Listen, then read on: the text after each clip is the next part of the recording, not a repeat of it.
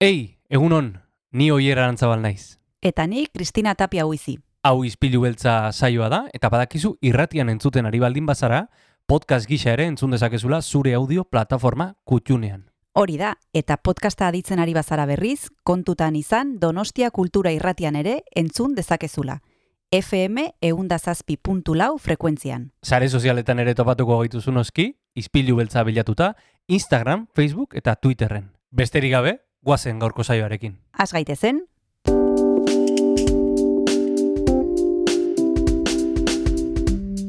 Ispilu beltza. Donostiako kulturaren berri, Oyer Arantzabal eta Kristina Tapia buizirekin. Astelena da, indarrez gatoz Donostia Kultura Irratira, izpilu beltza astera doalako, ez dakit non zauden entzule, baina lotu uala. Nik lotu dutu ala, Kristina, egunon, zuk lotu alduzu? baita nik ere, bai, nago ba- prest. Bagoaz, ez, eh, segurtasuna beti aurretik, baina, e, bueno, gaurko gonbidatuekin nik uste nahiko ziurrak egongo garela. Bai, zalantzari gabe.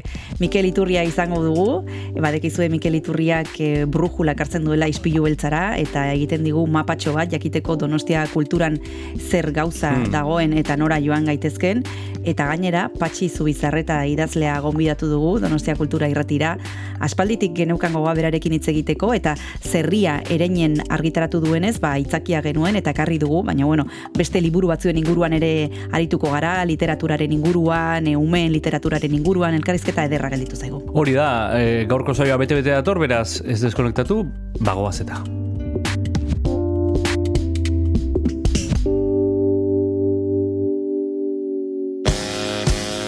Egun honen entzule, guazen gaurko astelneko saioarekin, dos proiektuaren R kantuarekin.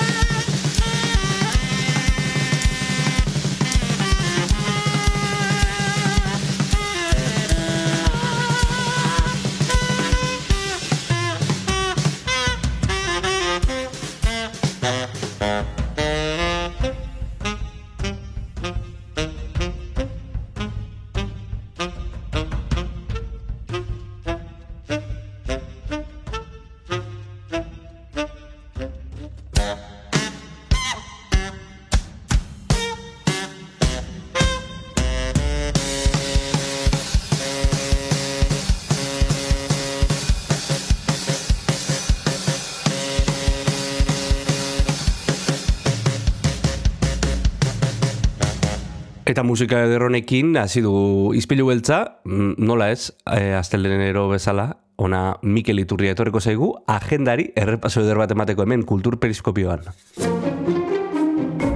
Kultur periskopioa. Eguno, Mikel? Egunon, oier, zemouz. Primeran. Primera. Ahotsak e, e, salatzen espanau primeran, bai, bai. Pixka bat gaixo, ez zizut esango bezurrik, baina, bueno, horrengoz mikrofon horrean egoteko moduan. Parranda. E, Hori ematen du, baina parranak aspaldi... Bukatu zian. Bai, bai, aspaldi bukatu zian. Bai, bai. Zu ondo? Paristik natorren artista bat naiz ni. Ba, bai, ba, bai, ba, bai. Parisen egon gera Kristina Tapia eta biok, e, dokumental bat grabatzen egea, e, podcast dokumental bat, eta e, azkenengo etapa Parisen zen, eta bueno, pi egun pasaitugu bertan. Ez dugu denborazko uki, eh? E, ez dugu denborazko uki Eiffel dorrea begiratzeko. Oso ondo. Ni guain dikan nigo gabe nago. Ah, begira. Eiffel Dorre, ba, nire bizitak, espaldiko bizita, ja naiz joaten, baina espaldiko bizitetan, inoiz igo gabea naiz, beraz. Bueno. Beti utzi behar dia tokiak bueltatzeko. Hori da, hori da, hala da, hala da. E, eta esan bezala, e, udan sartuta gauden honetan, bueno, e, naiz eta gauza askorik ez dagoen, mm, kultur periskopioa badugu. Bai, badauku kultur periskopioa, badaukagu kultur eskaintza eta guazen abiatuko gea udako antzerkiarekin. Primera. E, ze alde batetikan, ekaineko azken egunean hasi da gurean, txalo produkzioaken e, kompromisoa e, lanarekin, antzez lanarekin, eta ba, gaur hasita uztaiak lau, goio jimenez egongo da egunero, Victoria Eugenia antzokian, iluntzeko zortzietan, igandera arte. E, estatu batu errei buruzko berak esaten du amerikanoei, pelikuletako amerikanoei buruzko trilogia, bakarrizketa trilogia bat, egin du Jimenezek, dola hainbat urte hasi izan lehenengoarekin, handik amago sortera sortuzun bigarrena, eta bain hirugarrena. Eta bueno, ba, hirurak donostian ikusteko aukera daukagu, norkatxea puso antzerki programatzailearen e, bueno, erabakia da, eta berak e, berak e, programazio hau e, bueno, bera da programatzailea esan nahi dut. E, gaur, hilak lau, hasiko da lehenengoa, I want to live in America bat, e, bihar hilak bos eta etzi hilak sei e, bigarren partearen bi funtzio izango ditugu, eta azkenik ostegunetik igandera hirugarren bakarrizketa eramango dugu jok Vittorio Eugeniako oholtzara. E, webunean sartuta, bakizu webunea berritu egin degula, eta bueno, neko pozik gaude, eta ematen du jendea ere berritarrak eta pozik daudela, eta bueno, hor badago portadan, azalean dago, e, bi ikuskizunetako sarrerak erosteako hainbat deskontu ditugu, eta hiru ikuskizunetarako ba, gehiago, orduan hor sartu eta begiratu. Bueno, ba, Goio Jimenez komikoaz e, disfrutatu nahi duenak, badauka aukera, e, zazpi egun izango dituzte e, bere zaleek, e, hiru ikuskizunak ikusteko, eta orain, e, iruditzen bat zaizu, guazen musika pizarra Bai, guazen musika pizar bat jartzea, ze musikarik ez daukagu azte honetan, ez daukagu agendarik, e, baina, mm, laro eta amarreko amarkadara buelta gaitezen, eta hor Kataluniatikan Los Sencillos eh, taldea, Miki Putxa bezlari zuen taldearen bonito ez kantua entzun dezagun. Entzun dezagun.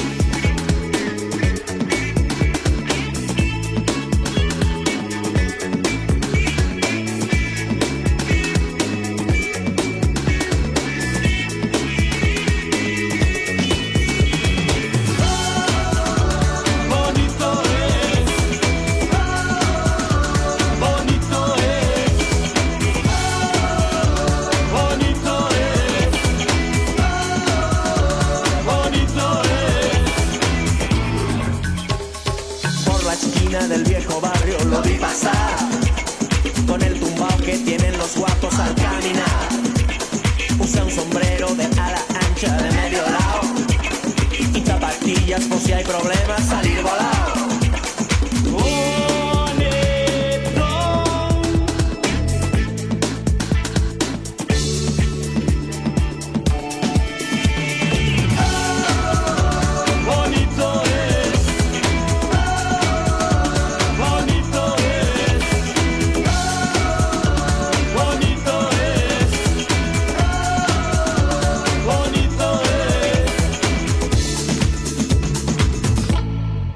Miki Puitzen Los Sencillos taldearen bonito ez abestia entzun berri dugu, eta, bueno, mm, kantu honekin eh, arilkatuko dugu, erakusketen atala, erakusketaren bat badugulako, eh, aipatzeko. Bai, bat baino gehiago eta eh, artearekin loturiko proiektuak ere hemen aipatuko ditugu, eta lehen- lehenik eta behin ba, martuten apain. Donostia kulturaren kulturekintzaren eh, programa bada, Donostia apain, e, 2019ko olatu talka jaialdiaren eh, azken edizioan edo piztu zen sua, eta e, lehendikan altzapain eta loiola pain izan ditugu, hainbat mural, adibidez loiolan zazpi mural, okerezpanago, altzan ez horretzen zenbat, eta orain martutenen ba, ekainetik irailera, ba, hainbat e, artistek edo markotuko dituzte. Loiola kulturetxeak e, koordinatzen du e, Donostia kulturaren aldetik eta gero komisario artistikotza o arti, komisario artistikoa arte parte galeriako talderi dagokio. Stephen web artista e, auzoan ibili da lanian e, ekainean zehar, e, ekaineko azken astean e, udane juaristi hasi da, eta geho uztailako azken amauste, uztaileko azken amaustean jone larraina garituko da, eta irailean beste laupaboz lagun ere e, aritiko, arituko dira. Eta okerrez ba, eh, bueno, okerri dirutzen ez bali mazu, guazen Santelmora, oier? Guazen Santelmora, eh, Santelmon ere badugulako zeo zer aipatzeko. Bai, e, behin baino gehiagotan aipatu, aipatu dugu tarte horretan urri, e, urriaren birarte daukagun erakusketa, atuizata txillidari buruzko erakusketa, eta, ba, badakizue, aste artetik larun batera bizitatu daitekela Santelmo Museoan, goizeko marretetik zortzietera, aukera ona da aste artea, ze egun horretan bisita edo sarrera ba, debaldekoa da, eta gaina bisita giratuak daude. Amartergietan gaztelaniaz eta seietan euskaraz. Eta gero larun batetan, ba, alde, alderantziz, amarterrietan euskeraz eta seietan e, gaztelaniaz. Bisitak debalde dira, baina goratu larun batetan pagatu behar dela museorako sarrera. Eta sarrera usei eurokoa da, baina hainbat deskontu badaude. Eta santelmonmuseo.usen begiratzere daukazue. E, Maite Larburu ezagutzen duzu, oier, Bai. gure, lan, e, gure entzulek ere bai, eta biriz, be- bizita berezi batzuk antolatu dira udan zehar, kukai eta Maite Larbururen eskutik. Eta larun batean, hilak zortzi izango ditugu bi, horietako bi, zortzi terrietan bata eta behatzi terrietan bestea. E, ez dian bizita merkeak, ze hogei euro balio dute, baina dut e, aproposa dala. Eta uste dut bihar baten batek hitz egin du, duela saio honetan, ez da, oier? Bai, alaxe da bihar eh, Jon Maia kukai dantza taldeko kidearekin eh, hitz egiteko aukera izango dugu ispilu beltzean. Eta, eta tira beti da plazerra, ez? E, Jon Maia bezalako artista txar batekin hitz egitea, ea, zer- kontatzen digun. Ostiralean, baina, e, beste erakusketa bat inauguratu zen aieten, ezta? Bai, eta gaina irailaren hogeita agostara arte izango dugu txiki agirre, keixetaren batzuetan basatia, beste batzuetan ederra erakusketa ikusgai aiete kulturetxean. Artistak azken urteetan egindako pintura eta eskultura lanak biltzen ditu e, erakusketak eta bueno, pues eh, dirudinez orain e, etapa figuratibo bat izan zuen eta baina abstrakziora jo du. Hogeta bederatzi kuadro daude ikusgai eta hiru eskultura.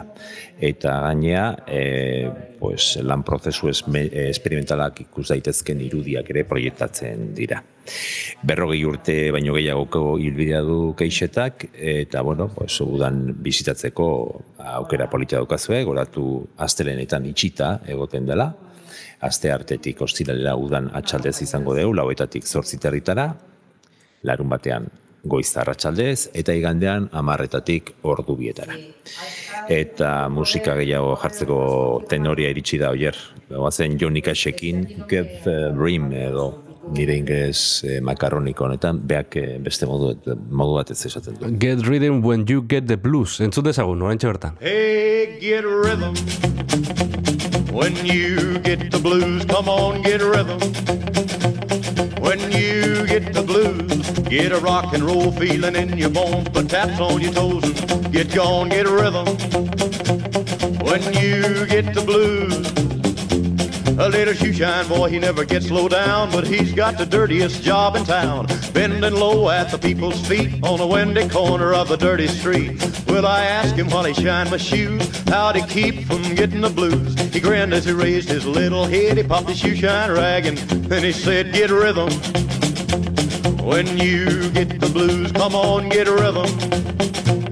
When you get the blues, a jumpy rhythm makes you feel so fine. It'll shake all your trouble from your worried mind. Get a rhythm. When you get the blues.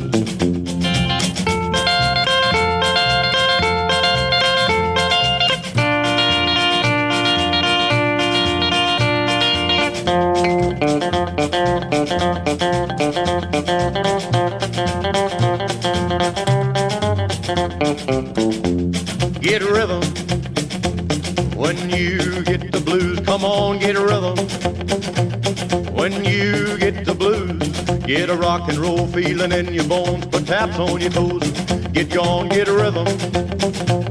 When you get the blues. Well, I sat and I listened to the shoe shine boy, and I thought I was gonna jump with joy. Slapped on the shoe polish left and right. He took his shoe shine rag and he held it tight. He stopped once to wipe the sweat away. I said, You mighty little boy to be a working that way. He said, I like it with a big wide grin. Kept on a popping and he said again, Get rhythm. When you get the blues, come on, get a rhythm. When you get the blues, it only costs a dime, just a nickel a shoe. It does a million dollars worth of good for you. Get a rhythm. When you get the blues. Johnny Cashen abestia entzun dugu, Get Rhythm, e, eta hau Get entzun... Rhythm, hori da, Get Rhythm, Horla, horla izena du, bai. E, Bai. Eta hau, bueno, ze, nolako abesti ederra, ez da? E, gorputza mugitzeko gogoaz e, sartzen duen horietakoa. Bai, Eta hau entzun ondoren, bueno, azken etapara pasako gara, azken etapa ez da mal, malkartsua, aurren inguruan itzin behar dugulako. bai, Frantziako turraren garaian gaude, eh, bakizu, atxaldeko siestak eh, alaitzen dituen Frantziako turra, ni triste nago, ze Euskaltel eh, ez da Euskadi ezin da turran aritu, eta beraz, nire izen bera duen txerrendularian, Mikel Iturria, ba ez dago, ez dago eh, Frantziako turrean. E, goazen ikustea aurrak dituzten familientzako hainbat plan, e, hilaren batian, ost, pasaren ostiralean, zabaldu, zen, zabaldu ziren urguleko hiru zentroentan udako programazioa, hiru zentroak egongo dira zabalik abuztuaren hogeita maikara arte, eta aurrentzako programazio berezia egongo da astelenetik e, ostiralera. Gogoratu ere debusen autobus konpainaren hogeita maratzi zenbakia e, martxan izango dagula, Eta gogoratu ere, zeintzu dian irugone horiek, liburutegia, damen baterian, dagoena, naturtxokoa, gobernadorearen baterian, eta mota gazteluko historiaren etxea, Santelmo Musoak kudeatzen du donostiari begira e, erakusketa bertan dago, iriari buruzko erakusketa bat, eta, bueno, pues, e, iru gune hauetan, astelenetik ostiralera, seietan jardurak daude, e, astelen eta ostegunetan liburutegian, aste arte eta aste azkenetan arturtxokoan, eta ostiraletan historiaren etxean. Bos urtetik gorako aurre zuzenduta daude, danak euskeraz izango dira, eta doakoak, ba, gizue, sarrera librea, lekuak agortu arte. Aste azkenean, hilaren hilak sei, antzerkiak kalean, programazioaren barruan aurrentzako eman aldia dugu, loiolatarra kaletxoan, eguerdiko amabietan, Butterfly Effect, astrolabion teatroaren antzezlana, espektakula ikuskizuna, kalean, kalean ikusteko moduan, Hilaren zeian ere, atxaldeko zeietan, kasar eskulturetxean zei eta amabi, amar urte bitarteko horrentzako tailerra, arte tailerra, izen ematea kasar eskulturetxean egin beharra dago, ostegunean hilak zazpi, gazteraniazko tallerra adin bereko aurren, aurrentzat, taller de creación y construcción, eta hau ere kasar eskulturetxean izango da, eta hauxe da, azte honek eh, emango duena, donostia kulturaren programazioari dagokionez behintzat. Bueno, ez da, ez da gutxi izan berro, bueno, ez da bestetan bezain beste, baina gauza interesgarri mordo aipatu ditugu. Eta gurrezan aurretik, gogoratuko dugu beti bezala, donostia kulturaren sare sozialak e, jarraitzea gomendatzen dugula, batez ere donost, ar, abildua donostia kultura kontua Twitterren, eta webgunea, oain berritua gainera, eta oso eder e, dagoena, donostiakultura.com Eus. Bertan azken orduko aldaketen berri izango duzu, entzule, eta besterik ez, agurtzeko abesti bat. Bai, guazen entzutea John Crazyren Microdose eh, kanta edo. Oso ondo, entzun dezagun, eta aio aio. Aio aio, aian ondo ibili. Berdin, aio aio.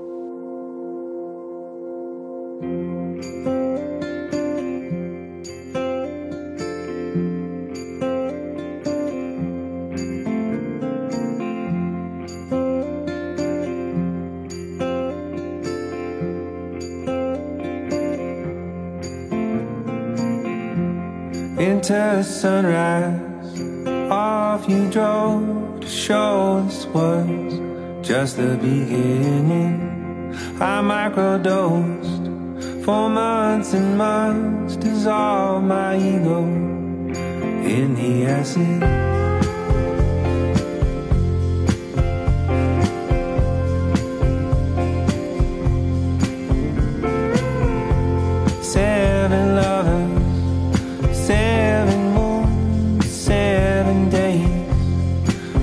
Without speaking.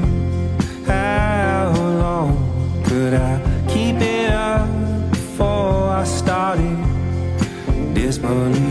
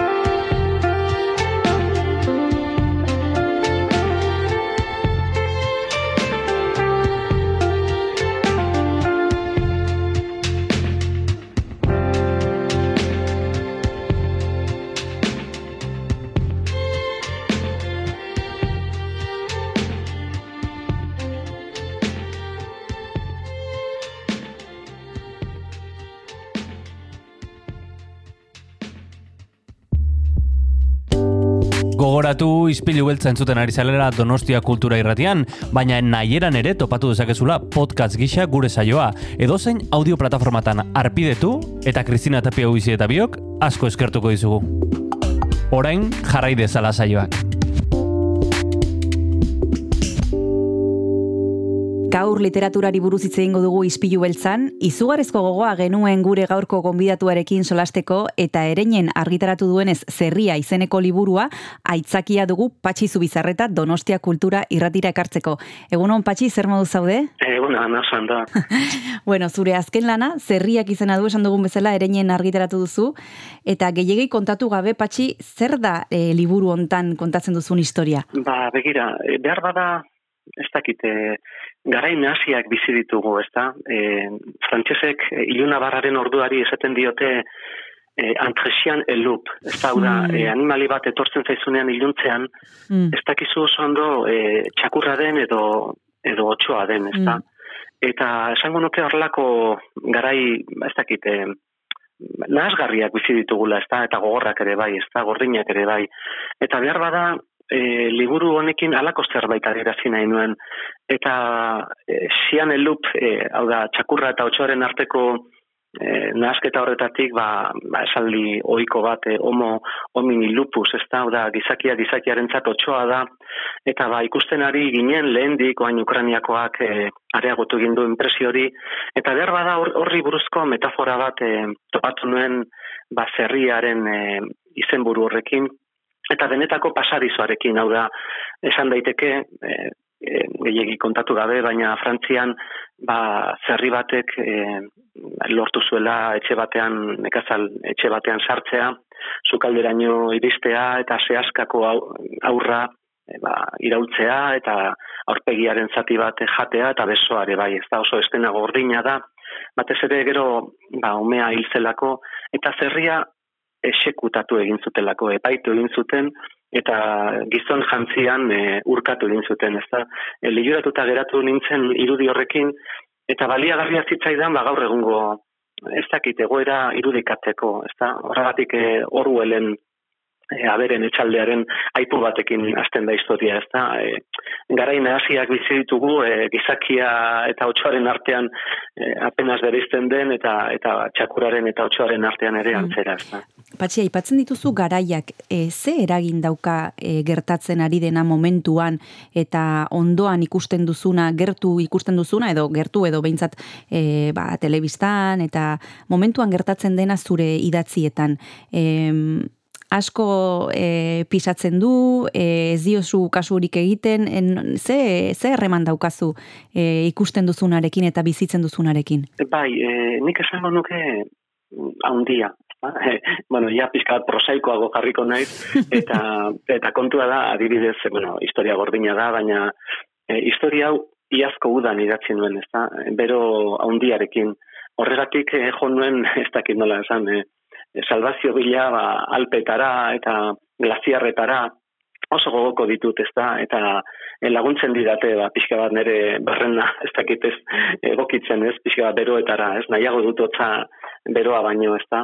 Eta batetik hori, klimak berak eragiten du nire gan, ez, ies bide moduko bada, e, ba, behar bada paisaia elurtu hori, baina bestea oso presente dago, ez da, esango nuke, ba, zerriaren epaiketan eta o, bueno, os, kontatu gabe, baina azkenean horre nekazariak agertzen dira e, beren zerriekin, handikiak, agintariak, hor daude ikuskizun bati begira, ezta.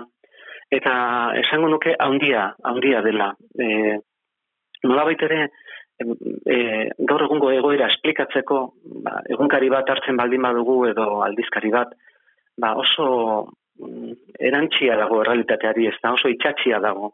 Eta literaturak ematen digu nire ustez e, perspektiba pixka bat, e, horregatik behar bada historia ba, joan mendean kokatzen da, edo orain del emeretzi garren mendean eman bezagun, baina, baina kontatzen ari da benetan gaur egun gertatzen ari da, ezta? eta ba, gizakiok, bai orain ba, poloniarrak ba, oso ondo hartu dituzte, eta Europak oso ondo hartu du itxura batean ba, Ukrainiako agendea, baina Polonian bertan ba Siriarrei ba ez ikusi egiten zitzaien harrika hartzen ez dituztenean, ezta?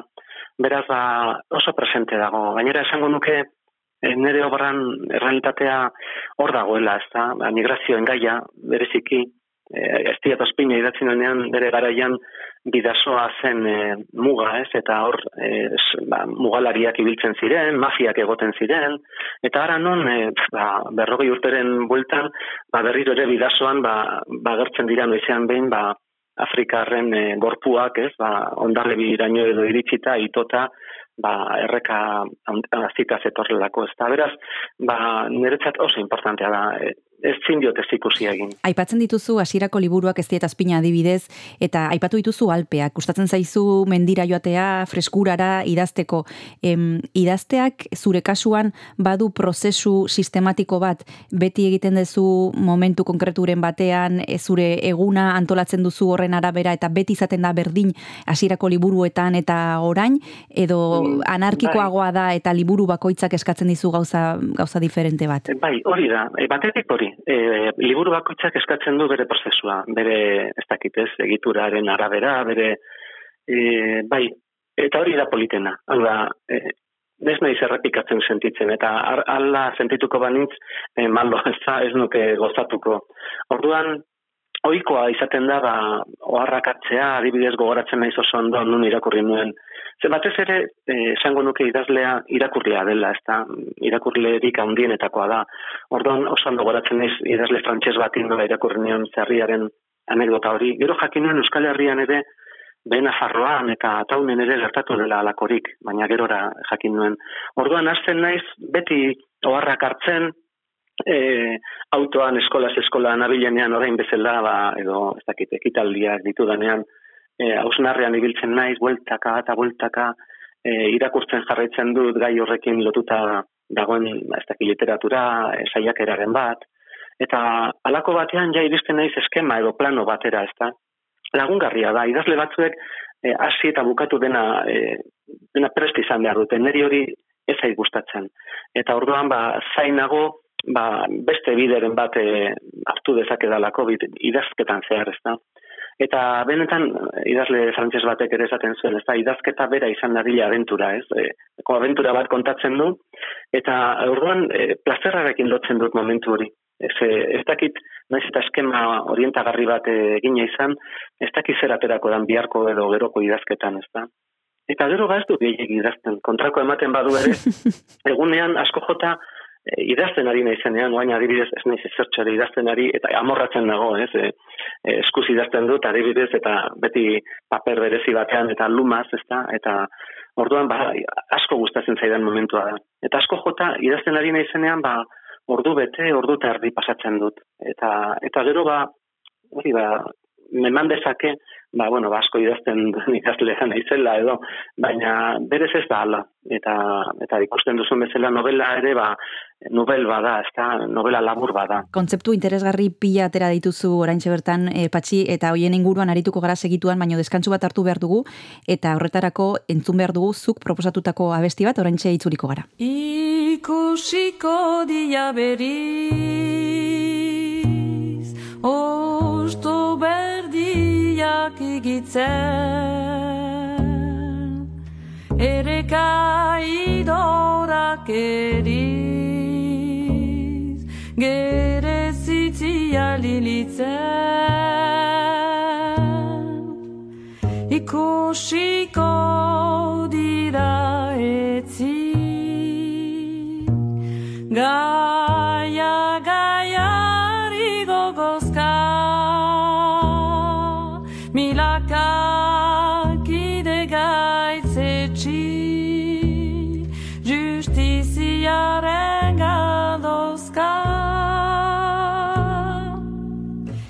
Ikusiko dia lasten Muga elkaitzak apaltzen Agian bazter ez bazter Presontegia zabaltzen. Ikusiko dia δάρι κάτι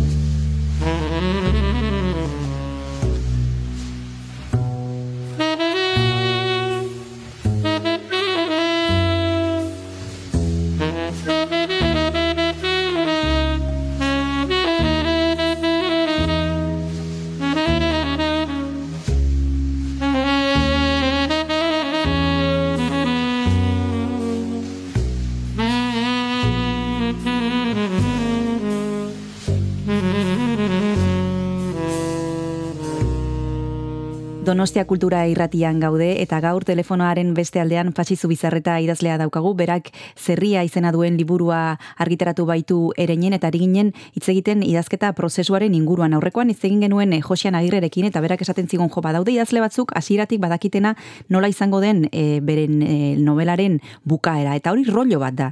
Nik eta zuk ere aipatu duzu oraintxe eh, idazketa ulertzen duzula abentura bat bezala, nun ez dakizun ze gertatuko den edo pixkanaka pixkanaka zuk ere deskubritzen dezun ze gertatuko den. E, zuri ere hori e, berak esaten zuen bezala rollo bat iruditzen ditzu hasieratik jakitea zein izango den azken paragrafoa. Bueno, ni rollo txatez nuke hartuko. Idazketa, jo, oso lan obsesiboa da. E, jo, zenbat buelta esaldi bakoitzari, zenbat buelta personaiaren izenari, anekdota bati. E, orduan, e, nik rollo txatez nuke hartuko. Ez, baino badu pixka bat e, aspergarritasunaren zerbait, ez? Ez du e, xarma hori, ez? Eta dena dela hor- hori esaten dute, gero jakinen nuke, ja, Julian Maria zeka adibidez, ezta? Eta ge- gero ez dakit horrela egiten duten, ze azkenean oso estua litzateke hori, ezta? Orduan ba, nik nahiago dut e, plazerrarekin lotzea, e, ez dakit, e, hori, ba, egunero, ba, jekitzea, eta askotan gau ez igual, lokartu ezinik, eta Hmm. urrengo kapitulerekin zabiltza bueltaka. e, behar bada zuzentzen duzu besterakoa, eta ekiten diozu beste bati, ez da. Baina alde horretatik, e, beti da deskubrimentua. Niretzat behintzat eh, horrela da. Ari gara nobelei buruz hitz egiten patxi, baino zure ibilbidean e, aur eta gaztetxoen liburuek ere badaukate pixu haundia eta hor arrakasta haundia izan dute zure testuek. Zer izan behar du e, gaztetxo batek zure testua irakurtzen duten bezala irakurtzeko, hain e, arrakasta haundia izateko beraien artean, patxi? Ba, baneki, baneki. e, ez dakit, bat, ba, batzuetan, e, betu, e, egon berrian ez motrilen e, migrazio buruzko topaketa batean, ez da? Han ezagutu nuen, Gambiatik etorritako mutil bat, joro, izenekoa, batera batean iritsi zen Tenerifera, irugun e, ba, latzak pasatu eta gero, eta iritsi zenean e, turistek ondartzan, e, patera ia, ira, irauli ba, jo, e, erioan iritsi eta jendeak turistek esan, esan zioten, korre, korre! Eta berak e, pentsatzen zuen korre izango zela gaztelaniaz, ba, kaixo, ongi etorri, zer modu zaude, ez da, eta ba, ez korre benetan aritza zan korrik egin behar zuen polizia bazetorkiolako eta berak ba, dokumentaziorik ez, eta harrapatu zuten, eta hirugun pateran eta hogeita marregun fie batean, ba, benetan okerrago iaia kontatzen zuen, ez da. Orduan, batetik ni emozionatu nauen historia da. E, bera ezagutu dut. E, ezagutu dut nola iristen diren paterak motirilgo ondartzara.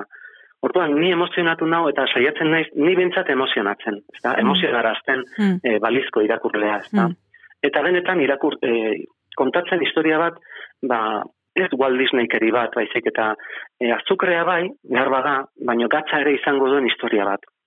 Eta, eta ez dago besterik, ne- niretzate neurri kontua da, e, ba, aurrentzako ipuin batek, ba, amar orrialde izan ditzake, eta helduentzat ba, berrogeita mar, edo, edo egun eta berrogeita mar, ez da. Eta lana askoz gogorragoa da novela batean. Eta gainera hor literaturak badu e, konplizidadea marrazkilari batekin, adibidez herriaren kasuan, ba, noski antxon lariaga aipatu beharra, ba, oso oso pozin nago alde horretatik, ba, liburua, hori, bi hanketan ba, oinarritzen delako, ez da, historio on bat, behintzat asmotan, eta bero marrazki ederretan, ez da. Eta, eta esango nuke gaur egungo aurrentzat oro har e, azukre gehiegi erabiltzen dela.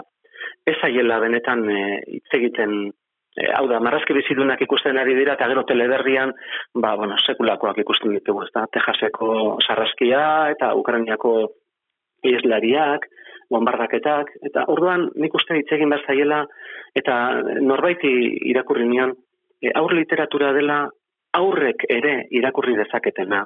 Eta benetan esango nuke e, gaur egun guraso asko konturatzen direla zer dagoen ba, aurrak dituztenean, ze normalean aparkatuta dago, da, genero minor bat iruditzen zaie. Baina benetan vanguardiak eta adibidez e, albunetan daude, e, oso gauza aurreratua daude, eta era berean oso gauza eskaxak, oso estetika eskaxekoak, e, ez dakit, e, hartu eta botatzeko liburuak e, egiten ari direla esango nuke argitaletxe askotan, ez da. Ez naiz e, Euskal Herria zari bereziki, baino bai, negozioa eta beritorearen figura ere asko aldatu da. Konplize hori gaur egun zaila da aurkitzen, ematen du gehiago gestoreak direla, ez da. El, e, literatura bihurtu dela, ba, bueno, ba, beste osagai bat, beste salgai bat, ez da. Eta nik uste e, hori behar dugula, e, emozio hori, e, kaskak esaten zuen bezala, ba, liburu bat izan dadila izkorakada bat, eta Hmm. kasu honetan ba, horretan saiatu naiz, ba, pixka bat barruan zerbait kraskatu dadin, izot, barruko izotza urtu dadin, ez da. Oraintxe bertan jarraituko dugu aurren literaturaren inguruan hitz egiten, bigarren deskantsu bat hartu behar dugu, zuk proposatutako bigarren abesti bat entzungo dugu, eta oraintxe berriro jarraituko dugu hitz egiten. Oso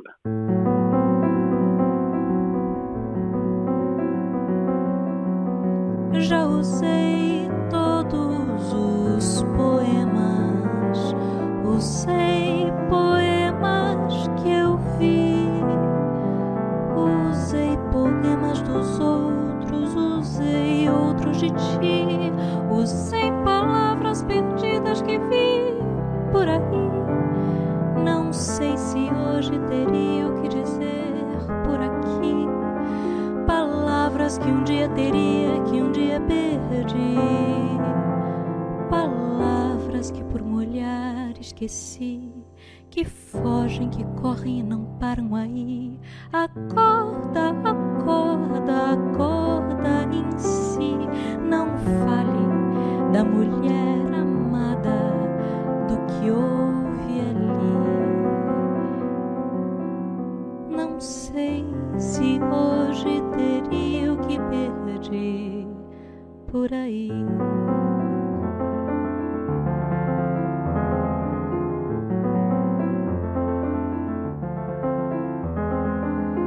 Já usei todos os poemas, usei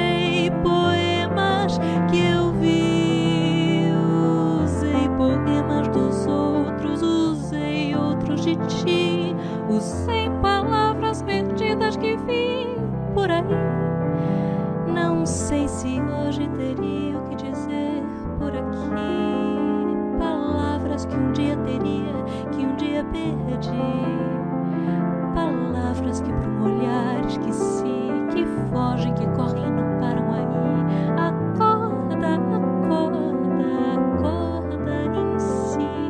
Não fale da mulher amada, do que houve ali.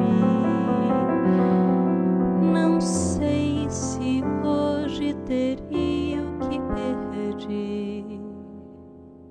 por aí. Já usei todos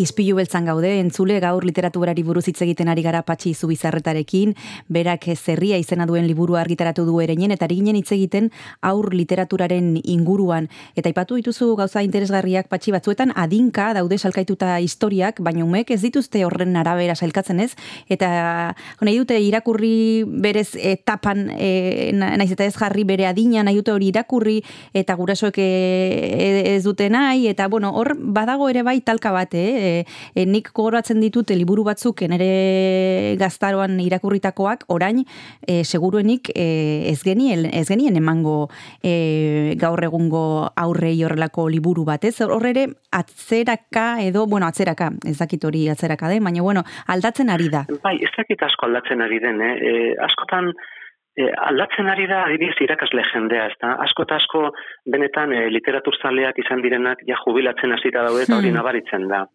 Hau da, irakasle gazte asko, nire ustez e, ikusten dudanez asko edo, behintzat, ez dakit, ez, ez dira bokazio handikoak, ez zaie irakurtzea gustatzen. Orduan, nahi, nahiago dute, ba, oinarritu, ba, ba, zuk esan duzun bezala, ba, liburuaren kontrazalean datorren adin horretan, eta horretan bakarrik oinarritzen dira, eta askotan oso irizpide okerrak izaten dira, ezta?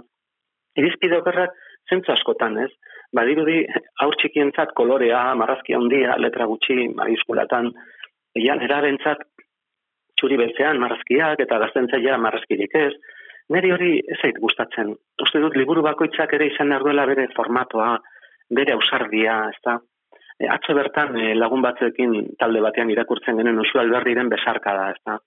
E, album oso xumea da, gero ba, bideo bat ere egin zuten, e, bera kantatzen du, e, ez dakit, alegin bat ikusten da argitaletxaren partetik bere bai, ez da, e, konplizidadea sortzen dira, eta nik uste e, liburu baten inguruan konplizidadeak arilkatzea ezinbestekoa dela. E, izan, ba, orain bezala irratiarekin, izan bibliotekariekin, izan irakasleekin, horrela sortuko ditugu benetan trampa ederrak ez, ba, benetan armier masarean bezala harrapatuta geratu daitezen ba, irakurleak, gazteak izan edo. Eta orduan ba hori, orientatgarria izatea ez dakit, ez dakit, behar da ondo dago, baina uste dut ausartakoak izan beharko genukela eta gai aldetik ere bai. E, lehen, ez dakit, e, e, marka, ez dakit nola esan, e, adiago geunden zer esaten zen, ze kritika zegoen, komplikatua da gaur egun oso azkar bizi gara, eta literaturak egiten digun deia kontrakoa da. E, polikiago bizi, eta dastatu liburua, eta orduan gomendatu, baina ezagutzen ez baldin baduzu, eta ez dakit, ba, norbaitek esan badizu, ba, ona dela, baina eta zuk ez baldin baduzu frogatu, ezin duzu transmititu gero ba, e, postasun hori, ez da. Aipatu ditugu liburuzainak, eh, gurasoak, irakasleak, baina zein da gaztetxoen iritzia? Gustatzen altzaizu beraiekin hitz egitea zure liburuen inguruan eta hortik ere badatorkizu batzutan e, ideiaren bat edo, bueno, balioagarria den zerbait. Bai, bai, bai, bai, noski, jo, horrekoan e, ez dut aipatuko herria, baina sa, e, saio bat egitera joan nintzen herri batera eta laugarren maila bat zen e, lehen eskuntzan eta esan zidaten bagelako aur bat hilberria zitzaiela. Eta, uf, jota geratu nintzen urrun, ez, nola ere eskatzen zidaten baita ere, e, bueno, adorea, ekemena transmititzea aurrei ez da, ba, bueno, egoera larri baten aurrean, baina, bueno, ba, ikasgai bat izan zen niretzat, ez da. E, beste batean, jo, ba, aur, e, itxuren bat tokatzen zaizu. E, beste batean, ba, hori, mm, iaia adarra jotzen hasten diren gazteak tokatzen zaizkizu, eta gero, e, uf, ikusten duzu, ba, sartu direla, ez da. Edo ez, edo batzuk ez dira sartzen, ez da. Beste batek, e, jakin nahi duz, e, automarka daukazun. Ze, ez dakit, orduan, ba, os, bai, oso, oso ondo dago, e, harreman hori izatea, Eta goin gainera ari gara, ba, idazlen elkartearekin ospatzen, ba, idazleak eskoletan programaren hogeita margarren urte hurrena. Eta orduan, ba, bai, hor sortuko da. E, bestela, ba, berez, berez, ba, hor geratuko da, aparkatuta, ez da, artean, ba, liburu asko ere, hori ere gertatzen ari da, lehen aipatu dugun, ez, ba, irizpiden kontu horretan, eta liburu asko ia deskatalogoatuta gertatzen ari dira, ba, zakin, nahiago dituztelako goza errazagoak, eta Eta orduan institutuetan eta garbi konturatzen naiz errealitate zaplasteko badan iretzat oroar.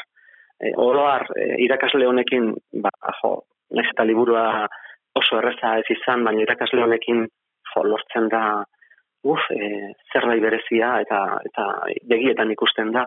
Eta beste batzuetan, ba, e, aholagabekeria ikusten da. Orduan, Bai, baina asko ikasten da, horrelakoetan, bai.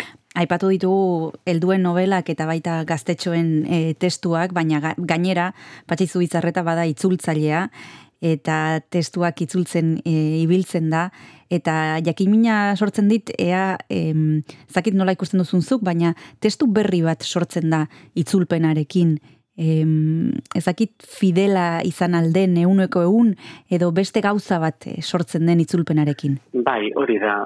Oso harreman e, ez dakit tanten batean ibiltzea bezalako zerbait da. Ezta? naiz baita ibili naiz oso bizikleta zale izan naiz garri batean eta jo, tanten batean astea, momentu hori e, orekari eustea eta eta ez da bat ere erreza. E, niretzat e, osa berazgarria da. E, ze garbi ikusten da ze mekanismoa erabili duen idazle dena delako idazleak oraintxe e, ardela taia itzuli berri dut e, bere novela bat e, frantsesez idazle maroko arrada, Parisien bizi da, e, segura eskudazkenean aterako da, zure argitan bizitzea, amari buruzko novela bada, maroko kokatua.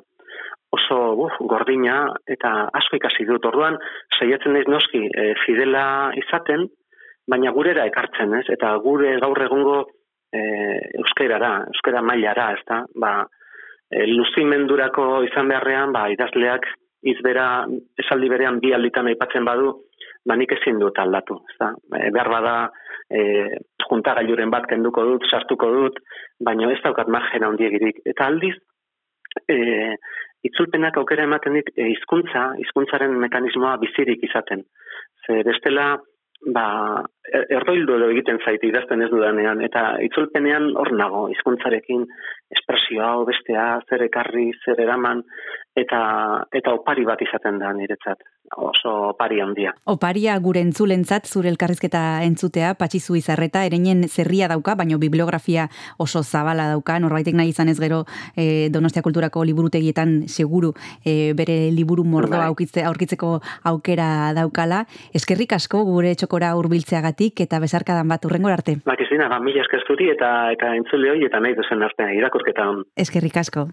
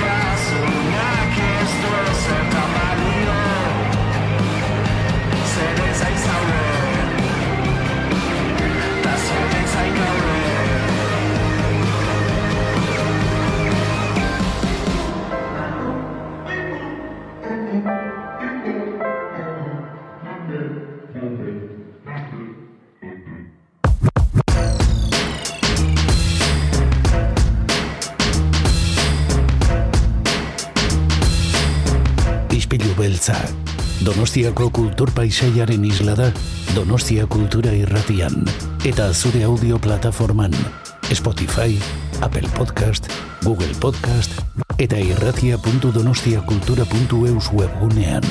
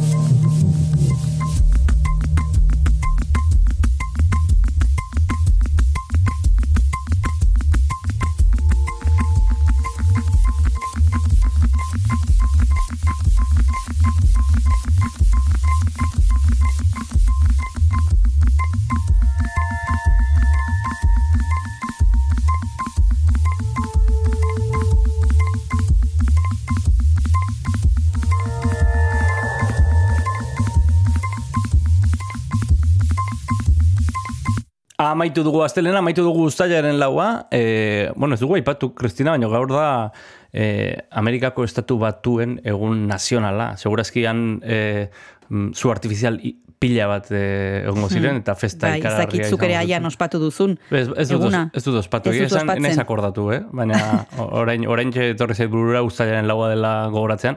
E, bihar ustailaren bosta izango da, eta guretzako Mhm. beste ospakizun bat, ze beti bezala, ba, bueno, zinema zitze egingo dugu, eta gonbidatu oso interesgarri bat gerturatuko zaigu. Bai, bihar oso gonbidatu interesgarria izango dugu izpilu beltzan. Jon Maia hurbilduko zaigu, kukai e, taldearen arduraduna edo kide esan dezakegu. Txillida eta oteizaren inguruan badekizu erakusketa polit bat dagoela Santelmon, eta berak maite larbururekin batera dantza ikuskizun bat e, prestatu du.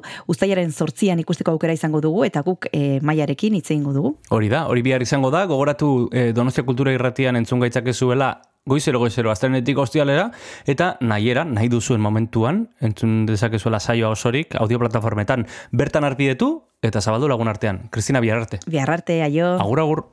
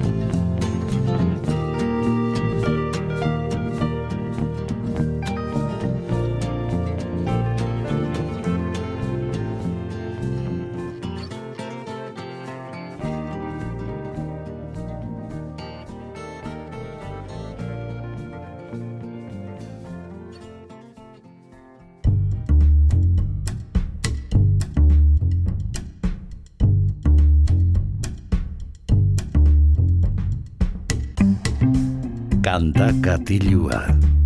Jon Gartziaren eskutik. Egun honen entzule, ongietorri gaurko kantakatilura ispilu beltza amaitzeragoaz, asteleneko ispilu beltza musika ederrarekin, eta gaur bereziki pozik gaude, izan ere proiektu berri bat aurkeztu baitute. Kuraian ibilitako Galder Izagirre eta Fer Apoak e, proiektu berri aurkeztu dute, Bazka izenekoa, beste hainbat musikarirekin batera, eta lehen diskoa aurkeztu dute dagoeneko, basoaren ilunean dantza egitera gombidatu gaituzte, eta honela hasten da lehenengo abestiarekin, basati jak abestiarekin.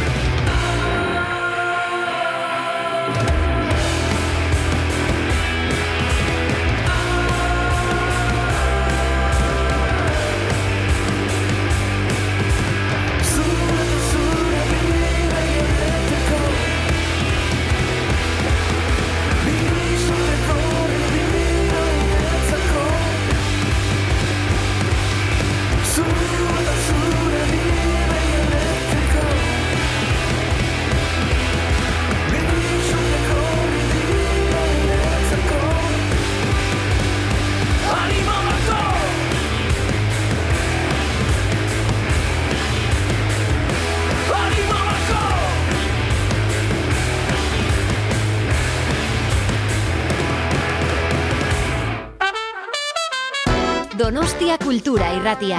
Eun eta zazpi puntu lau.